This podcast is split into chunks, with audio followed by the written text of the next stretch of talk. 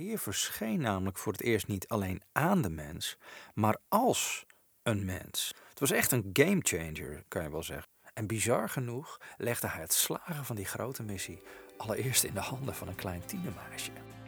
Kan je ook wat meer inleven waarom Maria stond te zingen? Een podcast voor kerkgangers, kerkverlaters en kerkelozen. Hagebreken. In een onzekere wereld waarin veranderingen elkaar versneld opvolgen en ons samenkomen, zingen en beleven steeds vaker onder druk komt, is een bijbelse koers houden een must en een kompas. Tuurlijk, het is jouw leven, het is jouw schip, maar de beste stuurlui, die hebben een loods. Mijn naam is Benaya en ik vaar graag een handje met je mee. Hi, fijn dat je weer luistert naar Hagepreken. December is inmiddels ver gevorderd en uh, het is al bijna kerst. We zitten bij de Hagepreken podcast nog even in de restantjes van het thema leren leven met een gat in je hand. Waarin we kijken hoe we, net als de Heer Jezus, kunnen leren leven op zo'n manier dat leven tot anderen kan komen. Desnoods ten koste van onszelf. En het ultieme voorbeeld daarin is uiteraard de kruisweg van Christus. Wat voor velen misschien wel iets te bekend in de oren klinkt. Dat is een verhaal wat uh, ja, voor veel van ons zo standaard is geworden dat we het bijna voor lief zouden nemen. Net als het verhaal van kerstmis in deze decembermaand trouwens. Niet dat het per se verveelt, maar het voelt gewoon een beetje uitgemolken soms. Of, of ben ik de enige? Ja, klinkt misschien wel oneerbiedig in de oren van... Nou ja, als je een binnenkomen bent en net aanhakt bij deze podcast, dan klinkt het een beetje raar. Maar ik heb met regelmaat momenten gehad dat ik dacht: kunnen we nu alstublieft een keer voorbij kerst en het kruis? Ik bedoel, er is ook nog een leven met God erna, nietwaar? Er is zoveel meer Bijbel dan dat. En toch, telkens weer kom je als volgeling van Jezus uit bij dat kruis.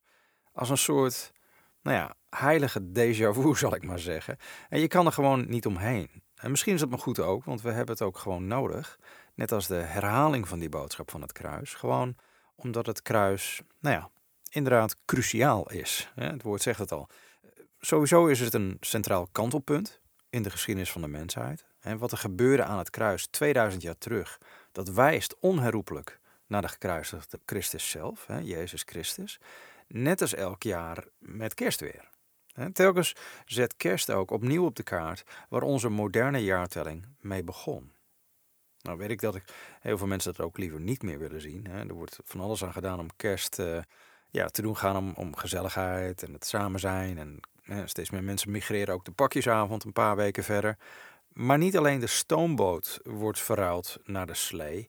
Ehm, je ziet tegenwoordig ook dat men het liefst de tijdsaanduiding zou willen veranderen. En het Engels is er al een beetje mee begonnen. Steeds vaker zie je in plaats van een aanduiding van bijvoorbeeld nou, 500 ehm, BC, hè, dat is 500 jaar before Christ, voor Christus, dat ze schrijven 500 BCE. Dat is dan 500 jaar before Common Era, 500 jaar voor de gangbare jaartelling. Zo van lekker neutraal en inclusief voor iedereen die niets met Christus heeft. Nou ja, linksom of rechtsom maakt er natuurlijk niks uit, want de gangbare jaartelling begon juist bij Christus, de gekruisigde, de opgestane Heer. Maar de geest van deze tijd is wel om hem zoveel mogelijk onzichtbaar te willen maken. En toch zal iedereen een keer iets met hem moeten doen. Hij zei: Ik ben de weg, de waarheid en het leven. Bekende tekst, Johannes 14, vers 6. En dus kruist die weg de onze. Hij is letterlijk het kruispunt waar elk mensenleven een keer op uitkomt. En wanneer dat gebeurt, ja, dan ontkom je niet aan de vraag te beantwoorden die hij stelde aan zijn discipelen. Van wie zeg jij dat hij is? En minstens zo belangrijk, wat doe jij met wat er gebeurde aan het kruis? Ja, maar Benaya zeg je dan misschien, het is bijna kerst, het is geen Pasen. Ja, dat weet ik wel, maar het is goed om te beseffen dat de missie van Jezus weliswaar begon bij kerst, maar pas is volbracht aan het kruis. En sowieso is dat een bizarre gedachte. Een, missie die, wat zijn aardse taak betreft, zou eindigen in zijn dood. Dan kun je je voorstellen dat je zo zou moeten leven. Wetende dat je een houdbaarheidsdatum hebt. Eentje die verstrijkt ruim voor de rest van je leeftijdsgenoten. En dat je dan ook nog doordrongen bent van het feit dat je op een gruwelijke manier aan je einde zal komen. Ik bedoel, probeer daar maar rustig onder te blijven. De, de meeste van ons zouden hypergestrest rondlopen en preventief slachtofferhulp hebben ingeschakeld waarschijnlijk om het te kunnen handelen. Maar dat was wel het bijzondere leven wat Jezus leidde toen hij nog onder ons was. Nu was zijn geboorte natuurlijk eveneens uitzonderlijk. Hè? Want wat daar in Bethlehem gebeurde, dat was ook nog nooit eerder gebeurd. God had op unieke wijze zichzelf getransformeerd tot mens. Geen wonder dat de hele legermacht aan engelen compleet uit hun dak gingen en dit wel en masse aan de herders moesten vertellen, want ze waren er vol van. De, de, de Heer verscheen namelijk voor het eerst niet alleen aan de mens, maar als een mens. In een menselijk lichaam op aarde. En dat was nog nooit eerder gebeurd. Het was echt een gamechanger, kan je wel zeggen, voor ons, maar ook voor God zelf. want Hebreeën zegt zo mooi ook van, we hebben geen hoge priester die geen medelijden met ons kan hebben, met onze zwakheden, maar een die in alles, op dezelfde wijze als wij, is verzocht, maar zonder zonde. Oftewel, vanaf die eerste kerst kunnen we niet langer nou ja, uit frustratie zeggen. Ja, God heeft makkelijk praten. Als hij zo weet hoe lastig het leven is en hoe moeilijk ik me staande kan houden, hoe sterk de verleiding is, waar, waar ik soms mee te maken heb, et cetera, et cetera. Ja, niet dus. Juist doordat hij als mens geboren werd, vanuit zijn eigen schepping, had God besloten om over te gaan tot een kruipende huid inlevingsfactor. En hierdoor ondervond hij niet alleen alles zelf aan de lijve, maar ging hij daardoor ook heel nadrukkelijk met ons meeleven en meelijden. En daarom kon hij dus ook letterlijk, hè, wat Hebreeën zegt, medelijden hebben. Het, het, Griekse woordje medelijden is daar sympatheo, wat wij, waar wij het woordje sympathiek ook nog in herkennen. Maar dat is wat hij deed. En toch was er wat er aan het kruis gebeurde, dat was hetgene wat echt alles veranderde. Maar dan voor de hele schepping. Alles wat we met kerst vieren en, en bezingen, werd namelijk daar verzegeld. Want we zingen het elk jaar weer, hè? Een kind is ons geboren, een zoon is ons gegeven en de heerschappij rust op zijn schouder. Je kent het lied misschien wel, men noemt hem hè, zijn naam wonderlijk, raadsman, sterke God, eeuwige rots, hè, of eeuwige vader, vredevorst. Uit Jezaja komt dat. Maar het was pas na zijn dood en opstanding dat die heerschappij ook volledig op zijn schouders rustte. En dat openen weer de mogelijkheid voor ons om überhaupt gevend te kunnen leven. Als we het nu over het thema hebben. Tenminste, op een manier zoals hij het liet zien. Want dit gevende leven, zoals de Heer het voorleefde, begint pas als je in zijn voetsporen treedt. Als jij weet dat ook jij niet kan verliezen wat niet langer van jou is. Want zo leefde Jezus zelf ook. Hij stelde zijn hele leven in dienst van de Vader. Zijn mindset was niet mijn wil, maar uw wil geschieden. Vader, Matthäus 26. Dit, dit was zijn worsteling ook in Gethsemane. Maar hij leerde ook zo zijn discipelen bidden. Onze Vader die in de hemelen zijt, uw naam worden geheiligd, uw koninkrijk komen, uw wil geschieden. Zoals in de hemel, zo ook op de aarde. En het is een heel bekend gebed, maar het zet wel de toon voor een gevend leven. En er komt ook nog bij, omwille van Jezus' voorbeeld, omwille van Jezus geven, werd ons leven gekocht en betaald door degene die zichzelf opgaf voor ons. Dus op het moment dat jij je leven aan de Heer Jezus geeft, geef je daarmee ook alles op wie jij bent. En alles wat je hebt, dat geef je aan Hem. En dat stel je daarmee daadwerkelijk onder zijn heerschappij. Maar misschien besefte je dat niet helemaal. Ik bedoel, eh, dat dit deel van de deal was toen jij je hart aan hem gaf. Of, of toen je beleidenis deed van wat je geloofde. Maar dat was wel wat er gebeurde. Petrus was hier glashelder over in zijn, uh, zijn preek bijvoorbeeld op Eerste Pinksterdag. Hij verklaarde toen aan zijn gehoor, waarvan er nou, zo'n 3000 tot geloof kwamen, dat, dat God de door hun gekruisigde Jezus tot een Here en Christus gemaakt heeft. He, lees in Handelingen 2 zo mooi. Hij heeft hem tot een Here en Christus gemaakt. Oftewel, het is niet alleen de bedoeling dat je hem erkent als Christus, als de gezalfde, als degene die je redt van je zondige leven en jou rechtvaardigt voor God. Het is ook de bedoeling dat je hem erkent als Heer van en over je leven. Misschien dacht je dat de Heer Jezus alles betaald had voor je, en dat is ook zo. Maar zelfs hij zei: Wie zijn kruis niet op zich neemt en mij navolgt, is mij niet waard. Wie zijn leven vindt, zal het verliezen, zei hij. Wie zijn leven verliest, omwille van mij, zal het vinden. Anders gezegd, jouw leven en alles wat dit inhoudt, is niet langer jouw bezit. Jij en alles van jou is het rechtmatige eigendom van de Heer die jij besloot te dienen. En het kan geen kwaad dat we hier wat vaker bij stilstaan. Feit is, hij bood zijn lichaam en bloed aan. Jij zou genade krijgen en gerechtvaardigd worden als je hem als Heer van je leven maakte. En hem daarmee ook dat deel van de Heerschappij gaf waar we met kerst over zingen. En Paulus noemt dit ook, hè, als hij zegt: Weet je niet dat je lichaam een tempel is van de Heilige Geest, die in je is, en die je van God hebt ontvangen, en dat je niet van jezelf bent? Je bent immers duur gekocht. En daarom zegt Paulus: Verheerlijk daarom God in je lichaam en in je geest, die van God zijn. Dat zegt hij zo mooi in 1 Korinthe 6. Maar vandaar dat ik zei: een gevend leven, zoals Jezus het voorleefde, begint bij het besef dat je niet kan verliezen wat toch niet langer van jou is. Maar die allesomvattende heerschappij, zeker de heerschappij over deze wereld, lag daarvoor nog bij de overste van deze wereld, Satan. En om die reden kon de Heer Jezus destijds ook nog alle koninkrijken van de wereld op een presenteerblaadje aangeboden worden. En dat deed hij ook. Hè? Dat deed Satan in, en Matthäus 4 lees je erover. Toen probeerde hij zelfs de Heer Jezus nog aan hem te onderwerpen.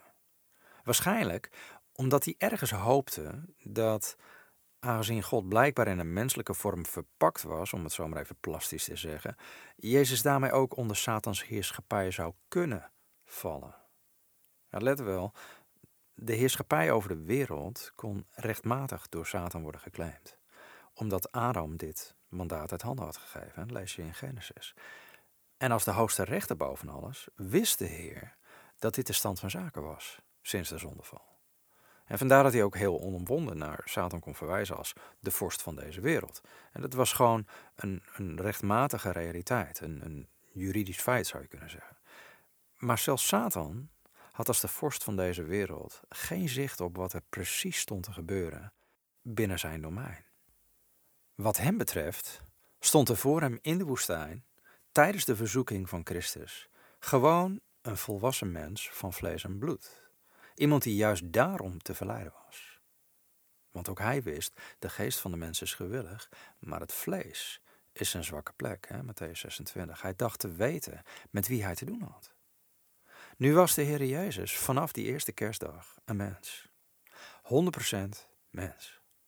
En daarom ook een mens die verzocht kon worden. Alleen was de Heer Jezus in zijn 100% mens zijn nooit minder God geworden.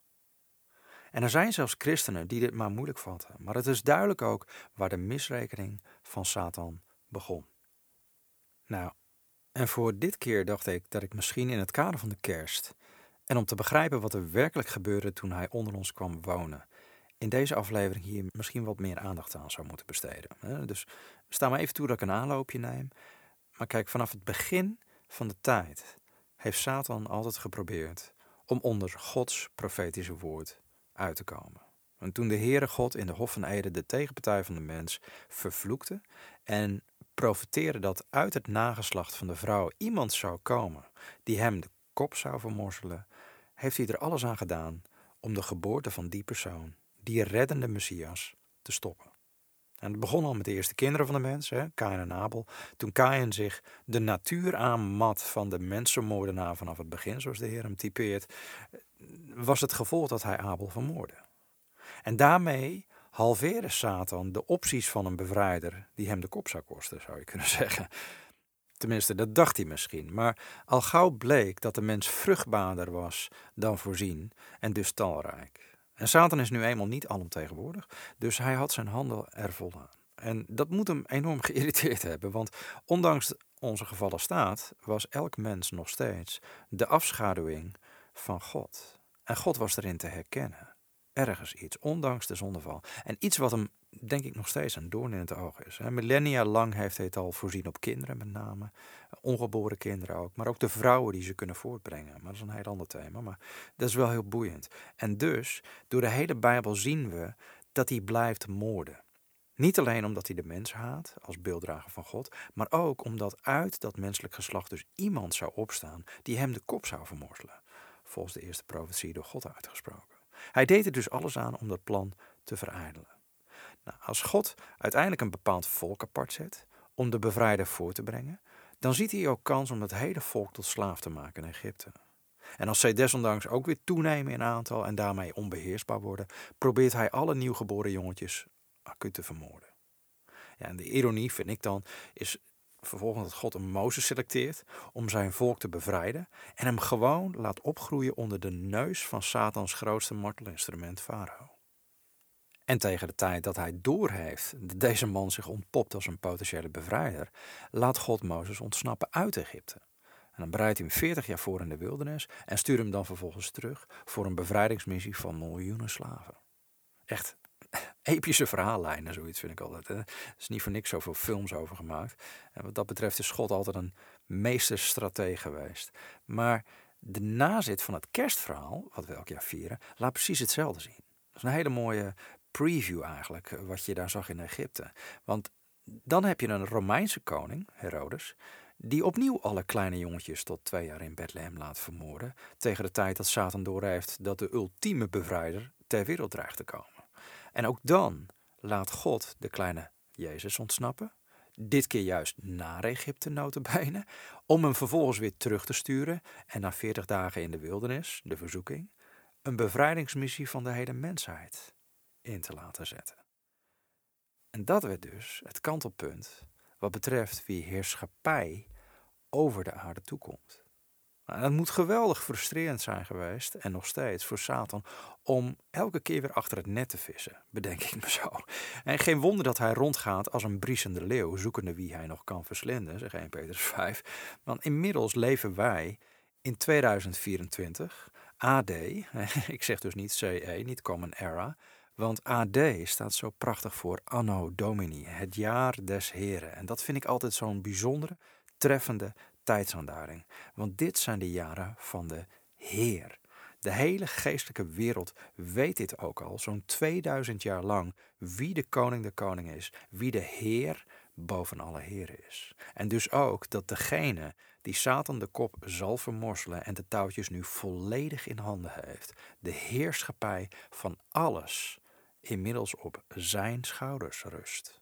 Hij heeft de sleutels van het dodenrijk en de dood zelf, zegt de openbaring even 18. En Satan is er gewoon nooit in geslaagd om dit plan te verijdelen. Zelfs niet toen de beloofde bevrijder hem in het vizier kwam. Zoals ik al zei, in zijn beperkte begrip van de mogelijkheden en realiteit dacht hij te weten wie er tegenover hem stond.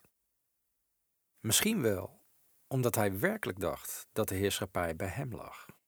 En hij daarmee een bepaalde goddelijke kwaliteiten bezat. En dat was zijn ambitie vanaf het begin. Of misschien omdat hij zelf al eens scheppend bezig was geweest. Hij had een poging gedaan om een hybride creatuur neer te zetten, maar deze wezens waren altijd een mix. Half engel, half mens. Dacht hij wellicht dat Jezus ook in die categorie zou vallen. Dat als God als mens verschijnt, half mens, half God zou zijn, begrijp je wat ik bedoel? En, en dus potentieel te verleiden en te onderwerpen. Ja, en met dat ik dit noem, besef ik eigenlijk ook wel dat we een klein konijnenpaardje opgaan. Maar ik pak dit toch nog even iets beter voor je uit. Want ik hou er rekening mee dat er luisteraars zijn die wat ik net noemde, deze geschiedenis, helemaal niet kennen. Het staat namelijk opgetekend in Genesis hoofdstuk 6, maar het is een kleine passage waar veel christenen gewoon overheen lezen. Maar het is niet onbelangrijk. Het beschrijft namelijk hoe de zogenaamde zonen Gods, Genesis 6 staat het, ingingen tot de dochters van de mens. En zo gewelddadige reuzen voortbrachten. In feite was dit Satans strategische poging om via een kruisbestuiving van engelen en mensen het menselijk DNA te corrumperen, te vervuilen. En de implicaties van dit staaltje rebellie waren gigantisch. In het licht van de wetenschap van onze tijd snappen we zoiets maar al te goed. Door menselijk DNA te mixen met creaturen die niet in het evenbeeld van God waren geschapen, verdwijnt in weg het beeld van God uit de schepping. Je zou kunnen zeggen dat het een soort transhumanistische agenda was. Schepping op basis van genetische manipulatie. Klinkt bekend? Het was nog succesvol ook. Hè? De kruisbestuiving van deze Bene Elohim, deze godenzonen, zoals Genesis 6 typeert, bracht ja, mutanten voort, zou je kunnen zeggen. Hè? Hybride wezens, half engel, half mens. Spectaculair. Marvel Comics zouden van smullen. Echt een bizar verhaal. En nu weet ik wel dat we in onze tijd altijd geconditioneerd zijn om alles wat ook nog maar enigszins boven onze rationele voorstellingsvermogen valt, te verwijzen naar het Rijk der Fabelen en als mythologie te beschouwen. Maar de Bijbel is over deze dingen heel nuchter en feitelijk. Er heeft een kruisbestuiving plaatsgevonden eerder in deze geschiedenis tussen hemelse wezens en mensen. En het resultaat was dat er reuzen uit voortkwamen. En het is een geschiedenis die doorklinkt in ook een heleboel zagen en legenden van allerlei volken over de hele wereld. En het geeft je te denken hoeveel daarvan wij als mythologie beschouwen ook daadwerkelijk mythologisch is.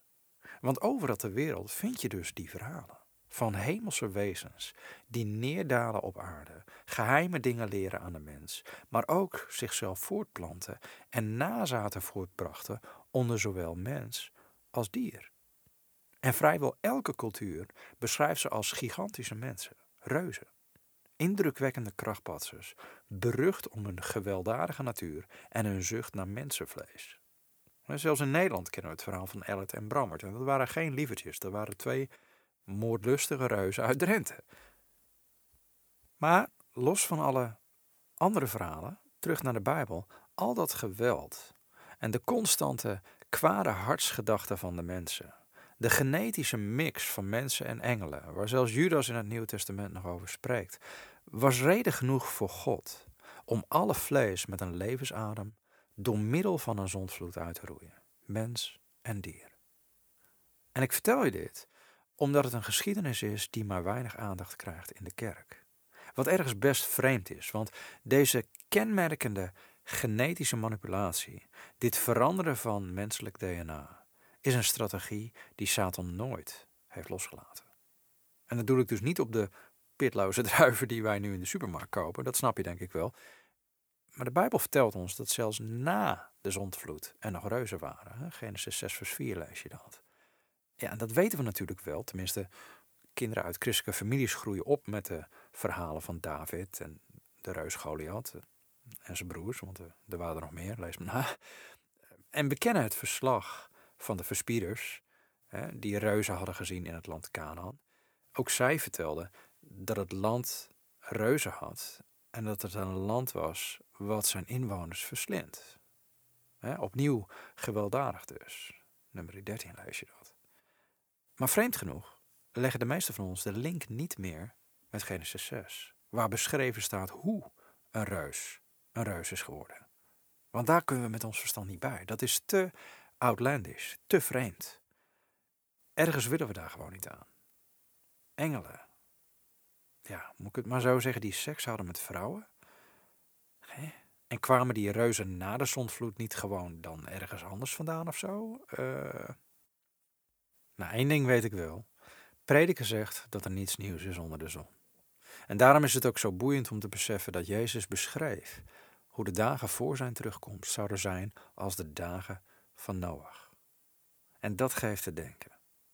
Want ook nu zien we dat de slechtheid van de mens op aarde groot is. En dat geweld exponentieel lijkt toe te nemen. Dat je in toenemende mate ziet dat, om Genesis nog maar even aan te halen, al de gedachten, spinsels van het hart van de mens elke dag in toenemende mate slecht zijn. Hè? Je leest in Genesis 6, vers 5. Maar dat waren niet de enige kenmerken van de dagen van Noach. Het was de mens die zijn God weerspiegelende functie verloor door slechtheid, slechte gedachten, klopt, maar ook doordat er geknoeid werd met het menselijk DNA. Enfin, denk ervan wat je wilt, maar het is onmiskenbaar dat wij leven in een tijd waarin het DNA van alles wat geschapen is in kaart wordt gebracht. En daar blijft het niet bij, helaas. Het is in onze tijd dat we de kennis kregen van het feit dat het DNA van bijvoorbeeld het in het donker oplichtende slakken gemixt kon worden met het DNA van katten, zodat hun weke delen, hun oortjes, neusjes, voetkussentjes licht zouden kunnen geven in het donker. Het lijkt wel science fiction, maar toch is het gedaan en het gebeurt anno nu. Ja, en schokkender nog, we leven in een tijd waarin het eerste menselijke embryo succesvol bleek te ontwikkelen na gekruist te zijn met dat van een makaakaap. Ik heb er een artikel over geschreven in C vandaag. Maar echt hoor, God help us. Ik zeg je, de herhaling van de dagen van Noach zijn niet ver meer. Uh, denk je misschien, waar gaat deze podcast heen benaaien? Want nogmaals, ik vertel je dit met een reden.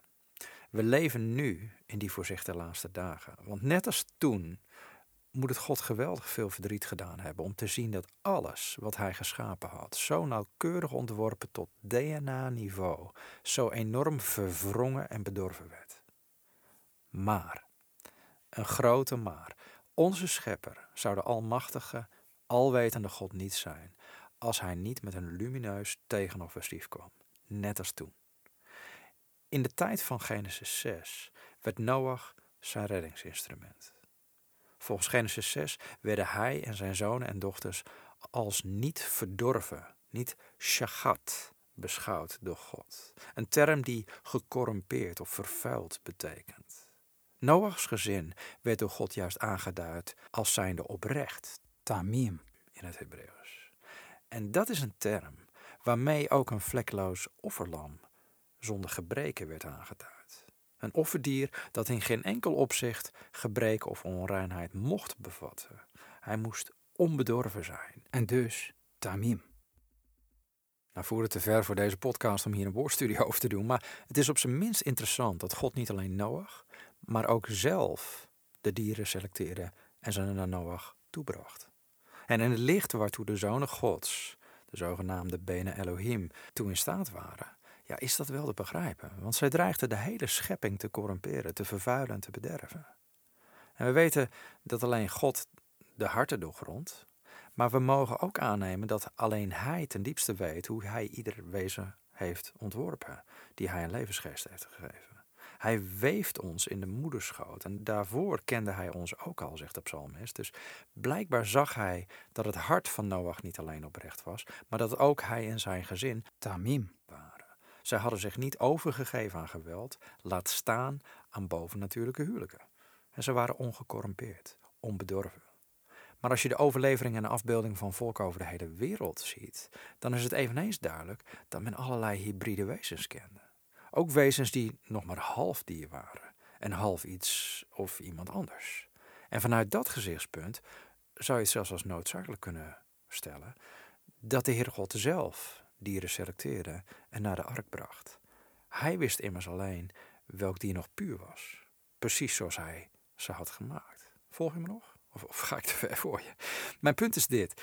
Doordat God Noach en de ongecorrumpeerde dieren redde van de verwoesting van alles wat wel bedorven Shegat was geworden, stelde God zijn uiteindelijke missie veilig.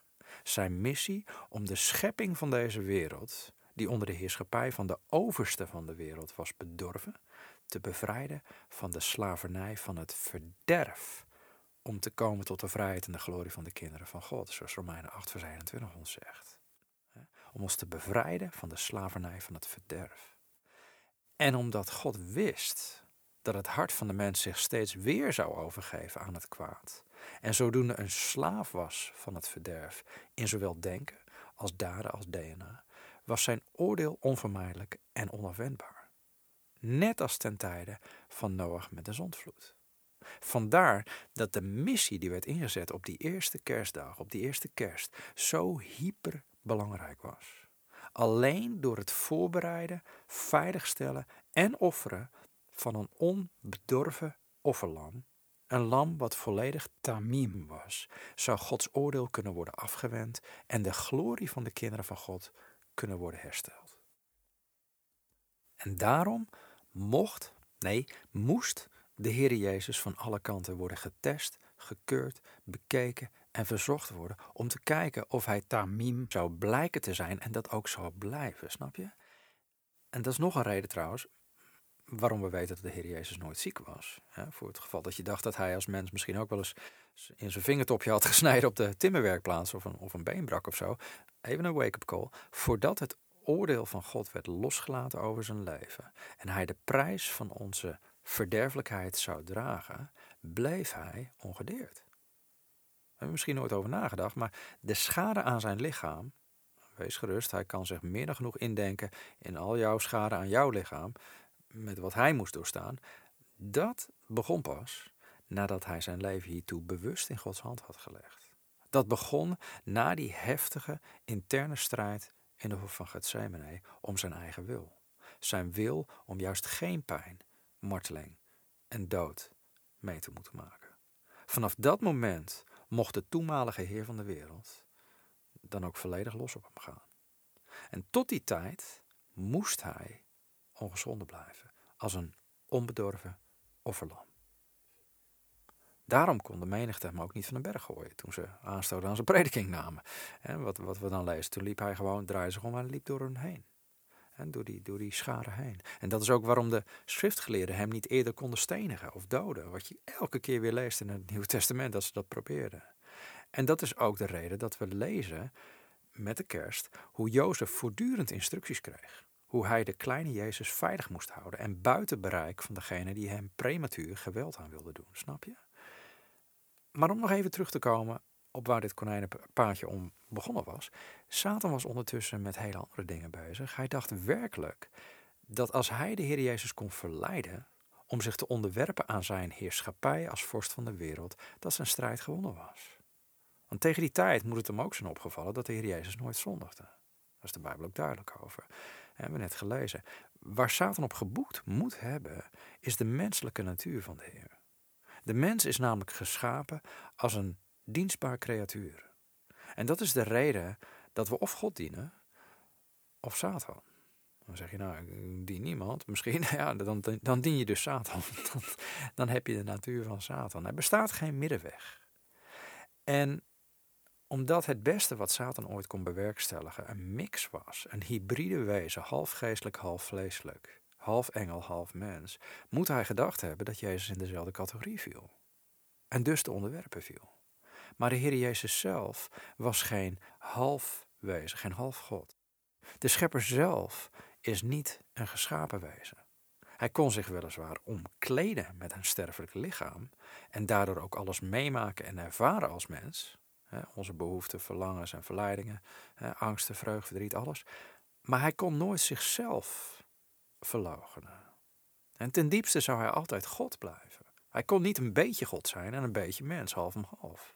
Vandaar dat we ook met kerst zingen dat hij Immanuel is, met recht God met ons. De volledige manifestatie van God onder ons, de Vader voorgeleefd door het leven van de Heer Jezus. Zomaar, voor onze eigen ogen. En om die reden zegt de Heer Jezus tegen de schriftgeleerden, heel vrijmoedig, voordat Abraham er was, ben ik. Johannes 8, vers 58 lees je dat. Wat een letterlijke claim was op de heilige naam van God. Yahweh, ik ben. Maar ook de schriftgeleerden konden zich dit niet indenken. Die zagen alleen een mens. Misschien had Satan die heads-up al een beetje eerder gehad, want hij probeerde Jezus te verzoeken om voor hem neer te knielen als heerser van de wereld en ontmoette in hem zijn meerdere, denk ik zo. Vanaf het moment dat dat gebeurde, dat hij zei je zult God alleen aanbidden, was duidelijk voor Satan ook dat hij te, te maken had met iemand die meer was dan een halfgod. Vandaar dat je vanaf dat moment ook leest dat telkens wanneer er onreine geesten uitgedreven werden door de Heer Jezus, dat ze voor hem neervielen en riepen: U bent de zoon van God. Waarop hij hen dan weer streng met klem gebood dat ze niet bekend zouden maken wie hij was. Want zijn oog was voortdurend op het volbrengen van zijn missie. Tegen mensen zei hij het soms ook wel eens: Wees stil, niks, vertellen. Wat er nodig was voor die missie was het volgende: dat hij na zijn kruisiging en opstanding zou kunnen zeggen: mij is gegeven alle macht in de hemel en op aarde. Matthäus 28 lees je dat. Er was nodig voor de missie dat alle heerschappij op zijn schouders gelegd zou kunnen worden. En daarvoor is hij altijd Gods zoon geweest. Maar na het kruis was hij ook de mensenzoon, die met recht de heerschappij op aarde had teruggevorderd. En dit is wat we vaak maar mondjesmaat benadrukken.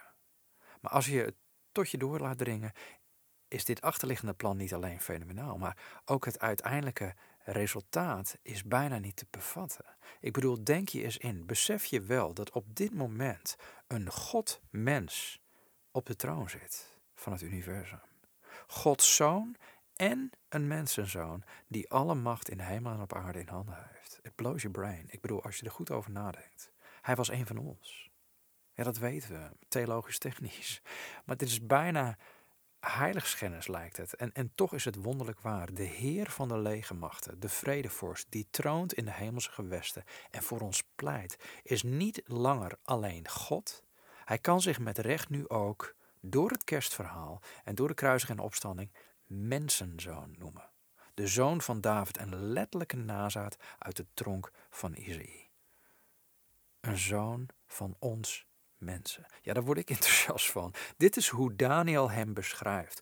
als de, de profeet Daniel, als hij een visioen krijgt over het koningschap van de Heer Jezus. En dit is hoe Stefanus hem ziet, wanneer hij een blik in de hemel mag werpen, vlak voor zijn dood. Als hij zegt, zie, ik zie de hemel geopend en de zoon van de mensen, staande aan de rechterhand van God. Je leest in de handelingen.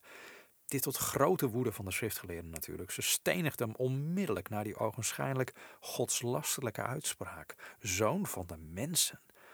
En toch is dit ook precies hoe de apostel Johannes hem beschrijft in het boek Openbaring. Als de zoon des mensen. De eerste en de laatste, de levende die dood geweest is en levend tot in alle eeuwigheid. Nou, waarom zeg ik dit? Waarom hamer ik erop en waarom zo'n omweg? Natuurlijk zijn de meeste christenen bekend met de term zoon des mensen, maar dat is vaak al zo oud-Nederlands dat we vergeten dat het gewoon betekent zoon van de mensen. De zoon van ons mensen. Voel je hem al? Dat is bijna banaal. Het voelt bijna fout of zoiets. Juist omwille van zijn overwinning zien de meesten van ons de Heer Jezus toch vooral als vallende in een hele andere categorie, namelijk vooral als heel erg God. Wat hij ook is, natuurlijk. Want ondanks zijn gedurfde plan is hij nooit minder geweest dan dat. Maar de realiteit is wel, hij is vanwege het kerstverhaal nu Gods zoon en een zoon van de mensen. En daarom hoop ik elk jaar weer dat het kerstlicht echt aangaat bij iedereen die het viert in het besef dat de Heer van het universum een enorme gedurfde move maakte door zichzelf te vernederen en kwetsbaar te maken als een menselijke baby. Om daadwerkelijk alle heerschappij te kunnen claimen zodra zijn geheime missie was volbracht. En bizar genoeg legde hij het slagen van die grote missie allereerst in de handen van een klein tienermeisje, genaamd Maria, want dat was ze. Ook dat beseffen veel mensen niet, want schattingen van Bijbelgeleerden gaan dat ehm, de leeftijd van Maria ergens tussen 14 en 16 jaar oud was. Dat weten we niet precies, maar we weten wel dat jonge meisjes in die tijd werden toegezegd aan een toekomstige man, vanaf hun twaalfde vaak al. En dan trouwde je rondom je, nou ja, je 15 of 16e. Dat was ongeveer de norm. Maar kan je het voorstellen? Kan je ook wat meer inleven waarom Maria stond te zingen? Ik bedoel, wat een eer, de Heer van het universum koning der koningen, vertrouwt zichzelf en het slagen van zijn hele reddingsmissie van de mensheid toe aan twee tieners. Geen wonder dat Jozef voortdurend via dromen van engelen instructies kreeg wat hij moest doen. Er hing bizar veel van af. God had daarom een tienerjongen geselecteerd waarvan hij wist dat hij zijn instructies zou volgen. Er hing onnoemelijk veel van af. De vrijheid van de gehele mensheid. Maar hoe mooi ook het kerstverhaal, het moment suprême was niet de geboorte. Het was wat er gebeurde aan het kruis en de opstanding die erop volgde. Dat veranderde alles. Niet alleen markeerde dit een nieuwe tijdsindeling op onze kalender, het zette ook een nieuwe koers voor ons als mensen. Het streept namelijk iets weg wat anders onherroepelijk tot onze dood en veroordeling zou leiden. Het is werkelijk zoals een verkeerskruispunt. Onze levensweg kruist die van de Heer van het leven. En dan hebben we die keus te maken. Gaan we door op onze eigen heilloze weg of slaan we Gods weg in voor ons leven? Het is het punt waarop wij van koers veranderen. Waarin onze oude mens wordt afgelegd, precies zoals je op elk kerkhof ziet. Het kruis markeert het eindpunt van iets. Een plek waar we zelf sterven. Sterven aan onszelf. Ja, Jezus' missie was om ons te bevrijden, om ons te redden. Niet van Satan, maar van zijn eigen oordeel. Dat komt over de bedorven, gecorrumpeerde schepping die hem niet langer kan vertegenwoordigen als beelddrager. Hij wil ons een nieuw hart geven. Niet een keihard stenen hart dat doordrenkt is van kwade, verwrongen en onreine gedachten 24 uur 7, maar een nieuw hart, een nieuwe geest, een andere gezindheid, vernieuwde gedachten. Maar minstens zo belangrijk, dat deel van de missie om de mensenmoordenaar de heerschappij over deze wereld te ontnemen. Daarom hield hij zichzelf rein, puur, onbedorven, ongeschonden voor ons. Dat deed hij voor ons. Hij is de almachtige, goddelijke leeuw die als vlekkeloos lam in menselijke vorm zijn missie volbracht om te kunnen regeren als heerser over alles. Alle heerschappij werd op zijn schouders gelegd toen de Vader hem, om met Paulus te spreken, uit de doden opwekte, aan zijn rechterhand zet in hemelse gewesten en ver boven alle overheid en macht en kracht en heerschappij en elke naam die genoemd wordt, niet alleen in deze wereld, maar ook in de komende, heeft hij alle dingen aan zijn voeten onderworpen. En hij heeft hem als hoofd over alle dingen gegeven aan de gemeente, aan ons, zijn lichaam. Dat is wat Paulus schrijft in Efeze 1, vers 20 tekst kom ik beslist nog een keer op terug een volgende keer. Maar een lang verhaal, even kort gesloten. Ik heb een beetje een omweg genomen om dit voor je uit te werken. Maar eigenlijk wil ik zeggen, vandaar kerst. Vandaar het kruis. Ze zijn onlosmakelijk met elkaar verbonden. De heerschappij van de wereld moest eerst op zijn schouders rusten, voordat wij binnen zijn autoriteit konden gaan uitreiken naar anderen, konden gaan leven om te geven. En over dat laatste, blijft gewoon nog een hoop te zeggen. En ik vraag me zo langzamerhand wel eens af hoe lang ik kan blijven spreken over standjes van, van een vorig thema. Want ik lijk erin te blijven, maar zo gaat het denk ik. Ehm, ik denk dat je genoeg hebt om over na te denken, zo met de kerst. Ik wens je hele fijne dagen. Uh, de Bijbelpassages zal ik in de voetnoot zetten, want ik skipte er een beetje overheen. Soms komt ook zo wat in me op en dan, dan noem ik het, maar ik zoek ze er nog even bij. Nogmaals, hele goede dagen de komende periode. En mocht het niet lukken om nog een podcast aflevering neer te zetten voor het einde van het jaar, dan hoor je hem ongetwijfeld weer in januari. Tot dan en blijven luisteren naar het woord van God. Blijven koers houden. En heb je vragen, aanvullingen of opmerkingen? Mail me gerust eventjes op podcast.saintcanine.com. Meer informatie vind je op de website, de Nederlandse versie saintcanine.nl.